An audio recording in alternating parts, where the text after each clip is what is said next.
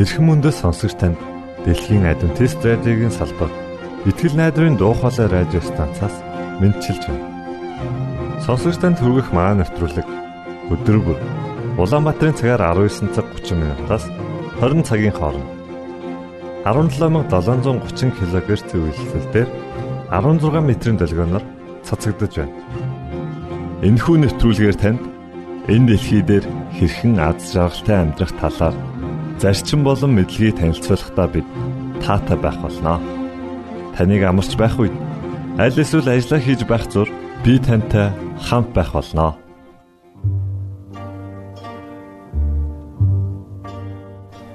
Энэ удаагийн нэвтрүүлгээ бид Silent Night хэмээх дуугаар эхлүүлж байна. Харин үүний дараа X үзлэл нэвтрүүлгийн цуврал дугаарыг хүлээн авч сонсноо. Ингээд хөгжмөдөө хартан Thank you.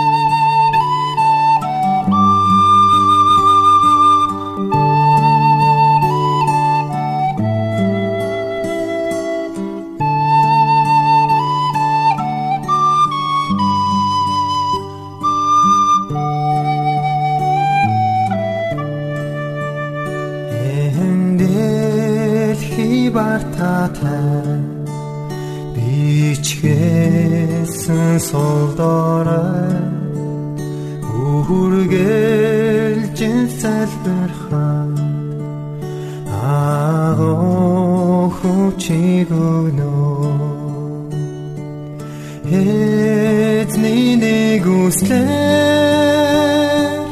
цагаат хагцсан тоо. Орсах цус методангэ цаснаас цагаан болно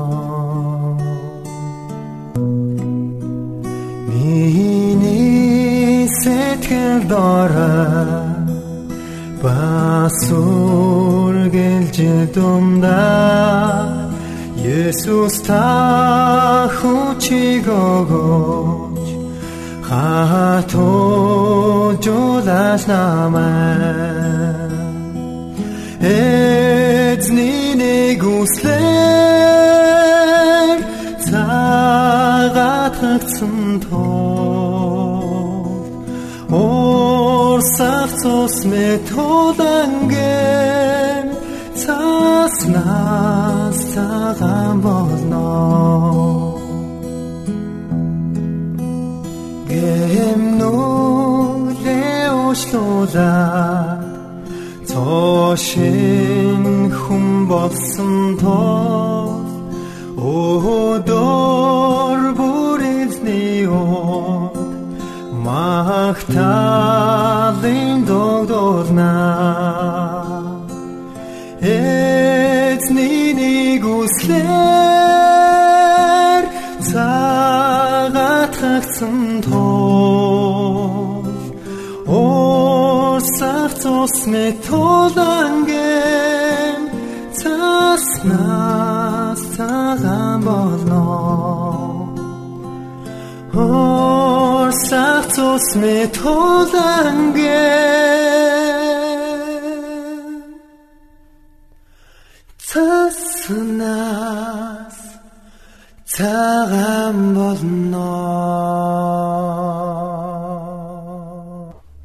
Байцгаана уу хүмүүдээ. Өнөөдрийн түүх маань үйл хөлөглөн ирнэ гэсэн нэртэй.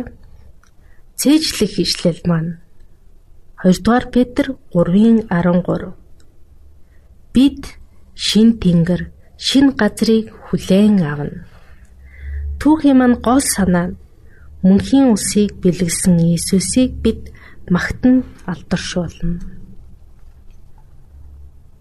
Оюун аавтайгаа буудан дээр сууж байжээ. Аава, та надад Есүсийн тухай илүү гоё юм ярьж өгөөч. Би Есүсийн тухай бүх зүйлийг мэдмээр байна. Тэр дахиад хизээ ирэх вэ гэж оюун асуув. Есүс бидний Диважингийнхаа герт аваачхаар ирнэ гэж аав нь хариулжээ. Тэгээд тэр эрэхтээ үйл хөлөглөн өөрийн юр бусын элч нартайгаа хамт ирнэ гэж нэмж бас хэллээ. Тэр юр бусын элчийг бид нар харж болох уу гэж оюун асуув. Тэгэлгүй яах вэ? харж болно шүү дээ. Яагад гэвэл Есүсийг ирэхэд Тэнгэр элч нарыг харах нүдтэй болно гэсэн үг.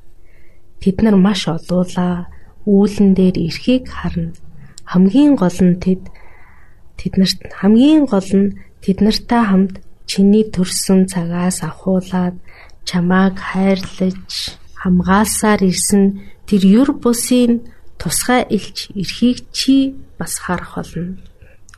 Оюунуудын бодол хийсэн царайг харж аав нь инээмсэглэн суулаа. Тэгснээ оюун Аава намайг хамгаалж байдаг элчийн нэрийг хэн гэдэг юм бэ? Арай бат биш үсттэй гэхэд аав нь инээдээ барьж чадсангүй. Диважинд тэгээд юу байдаг юм бэ? Бид тэнд юу үзэх вэ? гэж оюунаа асуухад бид тэнд очоод Адам Ева хоёрыг бас Нова, Даниэл, Эстер, Майр гэх бидний түүхээс уншиж мэдсэн Бурхны бүх найз нөхдийг харнаа. Бас өөр юу үзэх вэ гэж оюун дахиад л асуулт тавив. Аав нь бид шинэ Иерусалим хотыг харна. Урд өмнө хизээж үзэж харж байгаагүй тийм гайхамшигтай сайхан хотод бүгдээрээ амьдрна гудамж зам нь бүгдээрээ алтаар хийсэн байдаг хэмээн хариуллаа. Алтан гудамж оюунд их таалагдсан бололтой инээж байлаа. Өөр үзэх юм би юу? Байлгүй яах вэ? Олон сайхан амьтдыг харна. Бурхны бүтээсэн ан амьтад тэнд байгаа. Жишээ нь маш жижигхэн цохноос эхлээд бүр томьёонч үзнэ. Хүчит арслангаас авахуулаад ой хүрэн баавгайч хүртэл тэнд байгаа. Тэр амьтдын аль нь ч чамайг айлгаж гимтээхгүй гэж аавыгаа хариулахад оюун дахиад л өөр бас үзэх юм байгаа тийм үү? Гэхэд аав нь байлгүй л яах вэ? Бидэн зориулж барьсан гайхамшигтай сайхан байшин харна. Ер нь ертөнцийн хамгийн гоё сайхан зүйлүүд тэнд байдаг. Хамгийн чухал нь чи бурхан эзэн Есүсийг харан шүү дээ. Түүний түүхээ ярьж өгөхийг сонсох болно. Есүсийн гараас хөтлөөд хамтдаа зугаалж, магадгүй бүр хамтдаа аялал хийж амрах чимбэлөө гэв. Оюун бид бас манго жимс идэж болно биз дээ гэж хөөрөв. Оюун аавынхаа гараас чангаан цонхны хажууд очсноо. Өнөөдөр үйл байхгүй байна гэж гунигтай наргүй хэлв. Чи хараад л бай. Тэр ирнэ. Амлснаа заавал биелүүлдэг болохоор үйл гарч ирнэ. Есүсийг ирнэ гэдэгт итгэн өдөр болгон хүлээ гэж аав нь хэлжээ.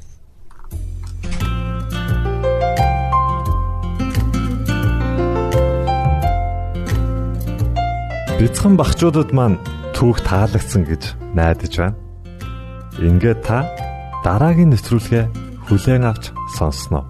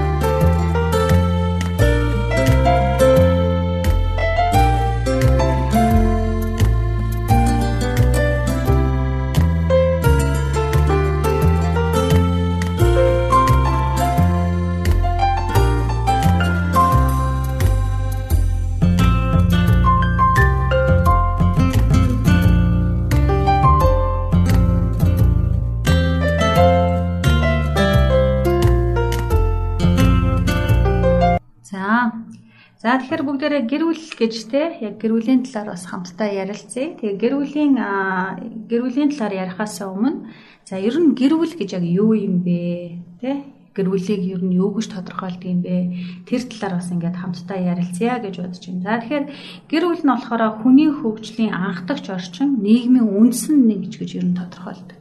За тэгэхээр нийгэм маань гэр бүлээс бүрддэг байх нэ гэж ойлгож болох нь байна.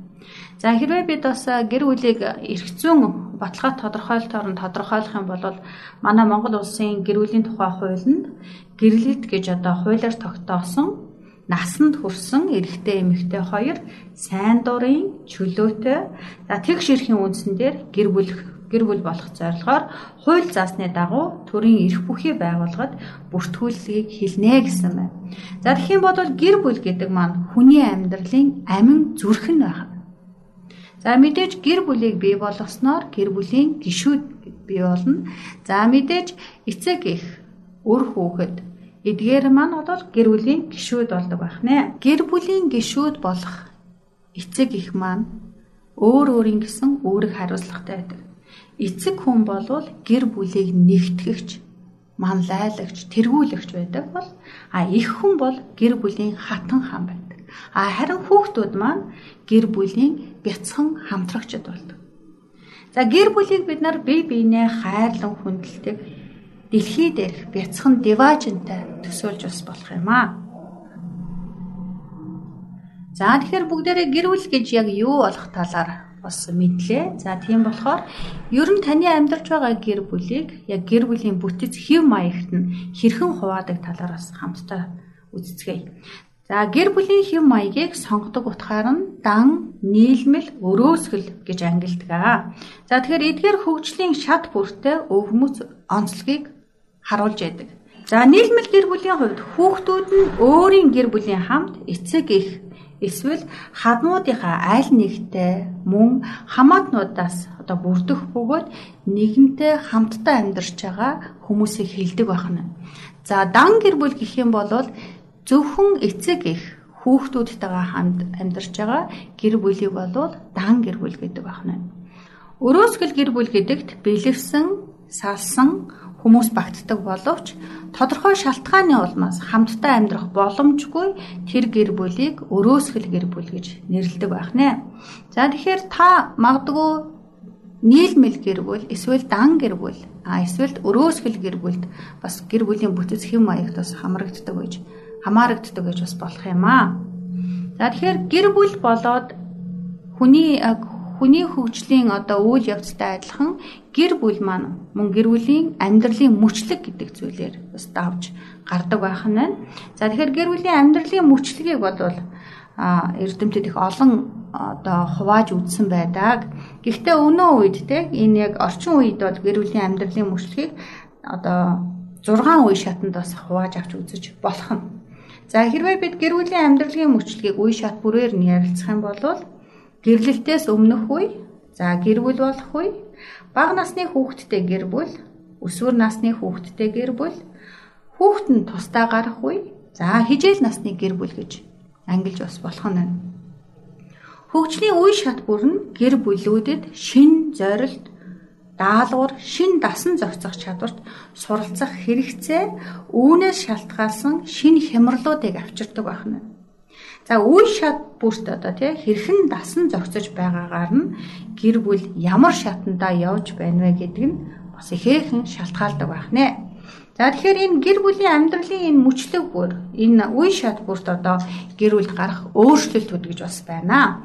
За гэрлэлтээс өмнөх үед бол ямар өөрчлөлт гардаг вэ гэхээр төрсэн гэр бүлээсээ ялгарах, өөрийн гэр бүлээ бий болгоход бэлтгэх тэр үе шатвал явагдчихэдэг.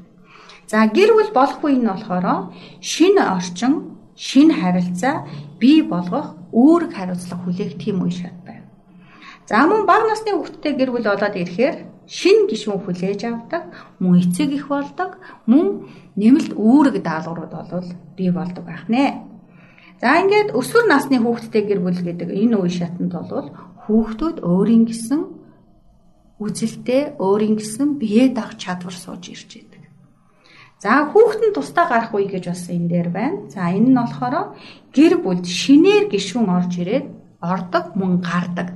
Яагаад гэхээр хүүхдүүд маань том болоод амьдралын ханаа сонгоод тий магадгүй та өөрөө хадам ээж, хадам аав болдог ийм үе байгаа. Тийм болохоор танай гэр бүлд шинээр хүн орж ирдэг, мөн та хүүхдээ тусад нь гаргадаг. Энэ үеийг болвол хүүхэд тусдаа гарах үе гэж нэрлэж болдог байна.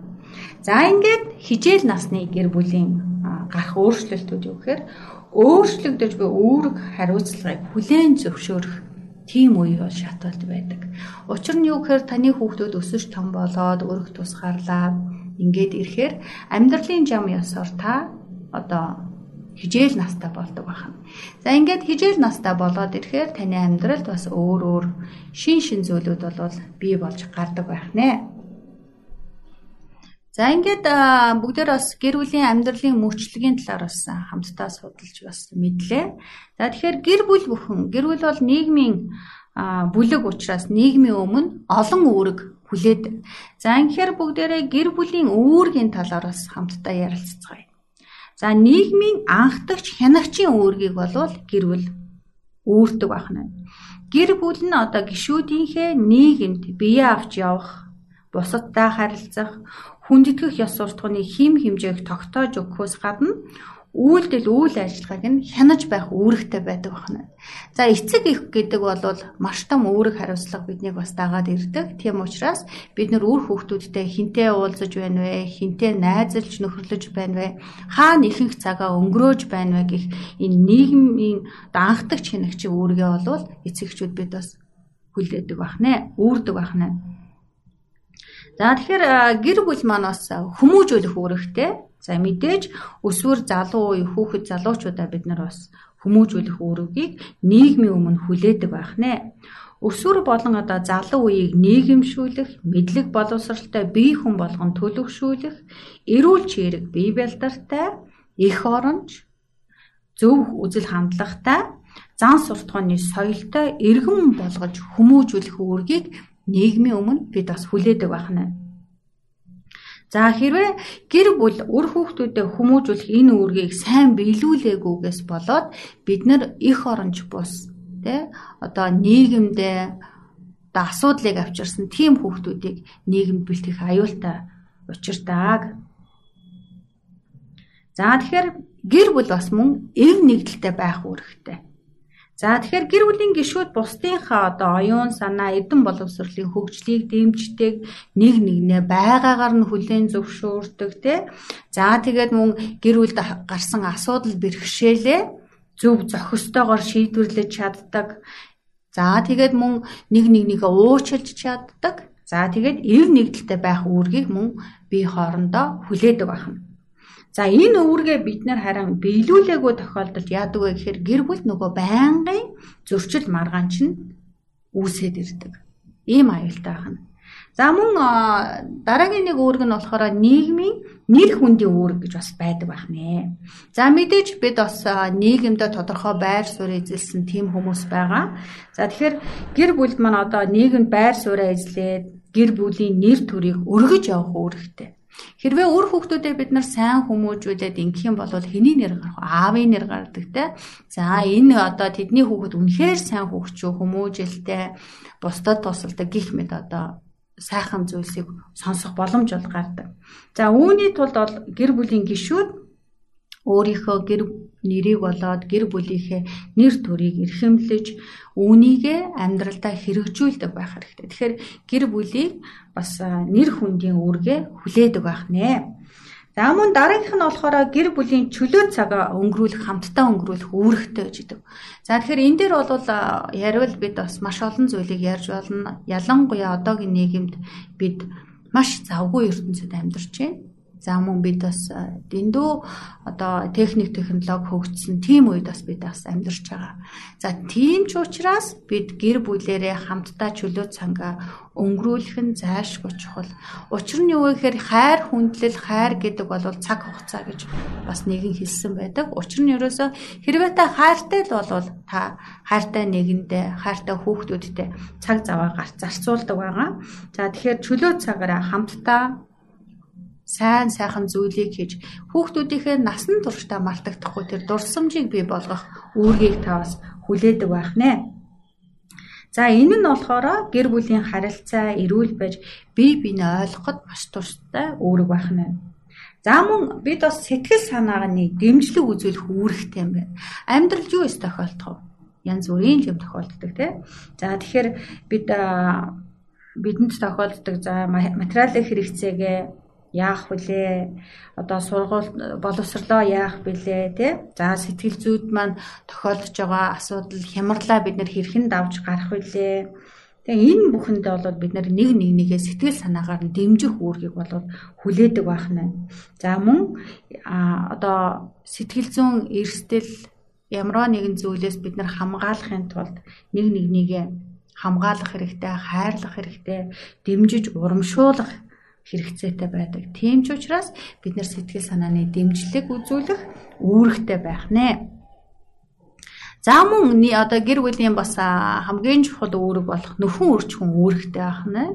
За гэр бүл бол биологийн хэрэгцээгээ хангаж нөхөн үрчхэн үүргээр үр удмаа үлдээж нийгмийн нөхөн үйлдвэрлэлийн үүрэг гүйцэтгэдэг гэдэг. Хэрвээ гэр бүл нөхөн одоо үржихгүй болвол те үр хүүхдүүдтэй болохгүй болвол манай улс орны хүн ам зүйн хувьд те бас нэлээхэн өөрчлөлт гарна. За харин одоо бол бас төрөл тэгсэж байгаа гэр бүлийн гишүүд те гишүүдийнхээ тоог бас их нэмдэг болсон. Тэгэхээр магадгүй энэ бүхэн нь бас хүмүүсийн амьдралын төвшөнтэй бас холбоотой хаа гэж бодож байна. За эцэст нь бол эдийн засгийн үүргийг хүлээдэг байна. За гэр бүлийн гишүүд хөлмөр эрхэлж гэр бүлийнхээ эдийн засгийн хэрэгцээг хангах үүрэгтэй. За үүгээрээ дамжуулаад нийгмийн баялагийг үйлдвэрлэхэд оролцох үүргийг хүлээдэг байна. За тэгэхээр гэр бүл дээрх үүргээ хэр биелүүлж байгаас байгаагаас маань шалтгаалаад нийгмийн хөгжил шалтгаалдаг байна. Хэрвээ нэг гэр бүл өөрийнхөө гэр бүлийн одоо үүргийг биелүүлдэг байх юм бол тэр гэр бүл тухайн орчиндоо тухайн орон нутагта тухайн хорог хороо нутаг дэвсгэртэй бол маш сайхан үлгэр жишээг үзүүлж бас болох нь байна. За гэр бүлийн дотоод харилцаа сайтай, бүрэн бүтэн, нийгмийн өмнө хүлээсэн үүргээ сайтар биелүүлж байгаа гэр бүл нь хүүхэд өсч хүмүүжиж, нас бийд гүйцэд өөрийн гэр бүлээ зохиодог. За үүнээс бид юуг харж болох вэ гэхээр хэрвээ та ямар гэр бүл төсөж хүмүүжсэн байна та яг л тийм гэр бүлийг нийгэмд бий болгох чадвартай чаддаг. За тийм учраас хүүхдийн эрхийг хамгаалсан хүүхдэд ээлтэй гэр бүлийн орчныг бүрдүүлэх нь гэр бүлийн насанд хүрэгчдийн салшгүй том үүрэг хариуцлага байх нэ. Та ямар гэр бүлийг үр хүүхдтэй хүснэ тийхүү өнөөдөр та тэр гэр бүлийнхээ гэр бүлээ цогцлон бий болгоосаа гэж хүсэж байна. За энэ удаад бид гэр бүлийн талаарх ерөнхий ойлголтуудыг бас өглөө. Тэгэхээр дараа дараагийнхаа одоо нэвтрүүлгээр гэр бүлийн талаар маш олон дэлгэрэнгүй сайхан ярилцгаая гэж бодож байна. За тэгэхээр бид бол яг миний хувьд судлаач миний хувьд бол гэрлэлтэнд бэлтгэх үе гэдэг бол хамгийн чухал үе гэж бас боддог.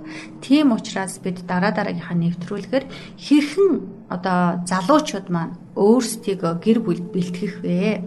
За тэгэхээр хэрвээ та амьдралын ханаа сонгосон гэж байгаа бол тэр гэрлэлтэнд бэлтгэх үеийг хэрхэн даван туулах вэ гэдэг талаар бас маш сонирхолтой олон зүйлсийг ярилцгаая. За баярлалаа. Итгэл найдрын дуу хоолой радио станцаас бэлтгэн хөрөгдөг нэвтрүүлгээ танд хүргэлээ. Хэрв та энэ өдрийн нэвтрүүлгийг сонсож амжаагүй аль эсвэл дахин сонсохыг хүсвэл бидэнтэй дараах хаягаар холбогдорой. Facebook хаяг: Satiin үсгээр Монгол заавад AWR Имейл хаяг: mongol.awr @gmail.com Манай утасны дугаар 976 7018 24 9 Шуудангийн хаяцаг 16 Улаанбаатар 13 Монгол улс Биднийг сонгон цаг зав аваад зориулсан танд баярлалаа. Бурхан таныг бивээх болтугай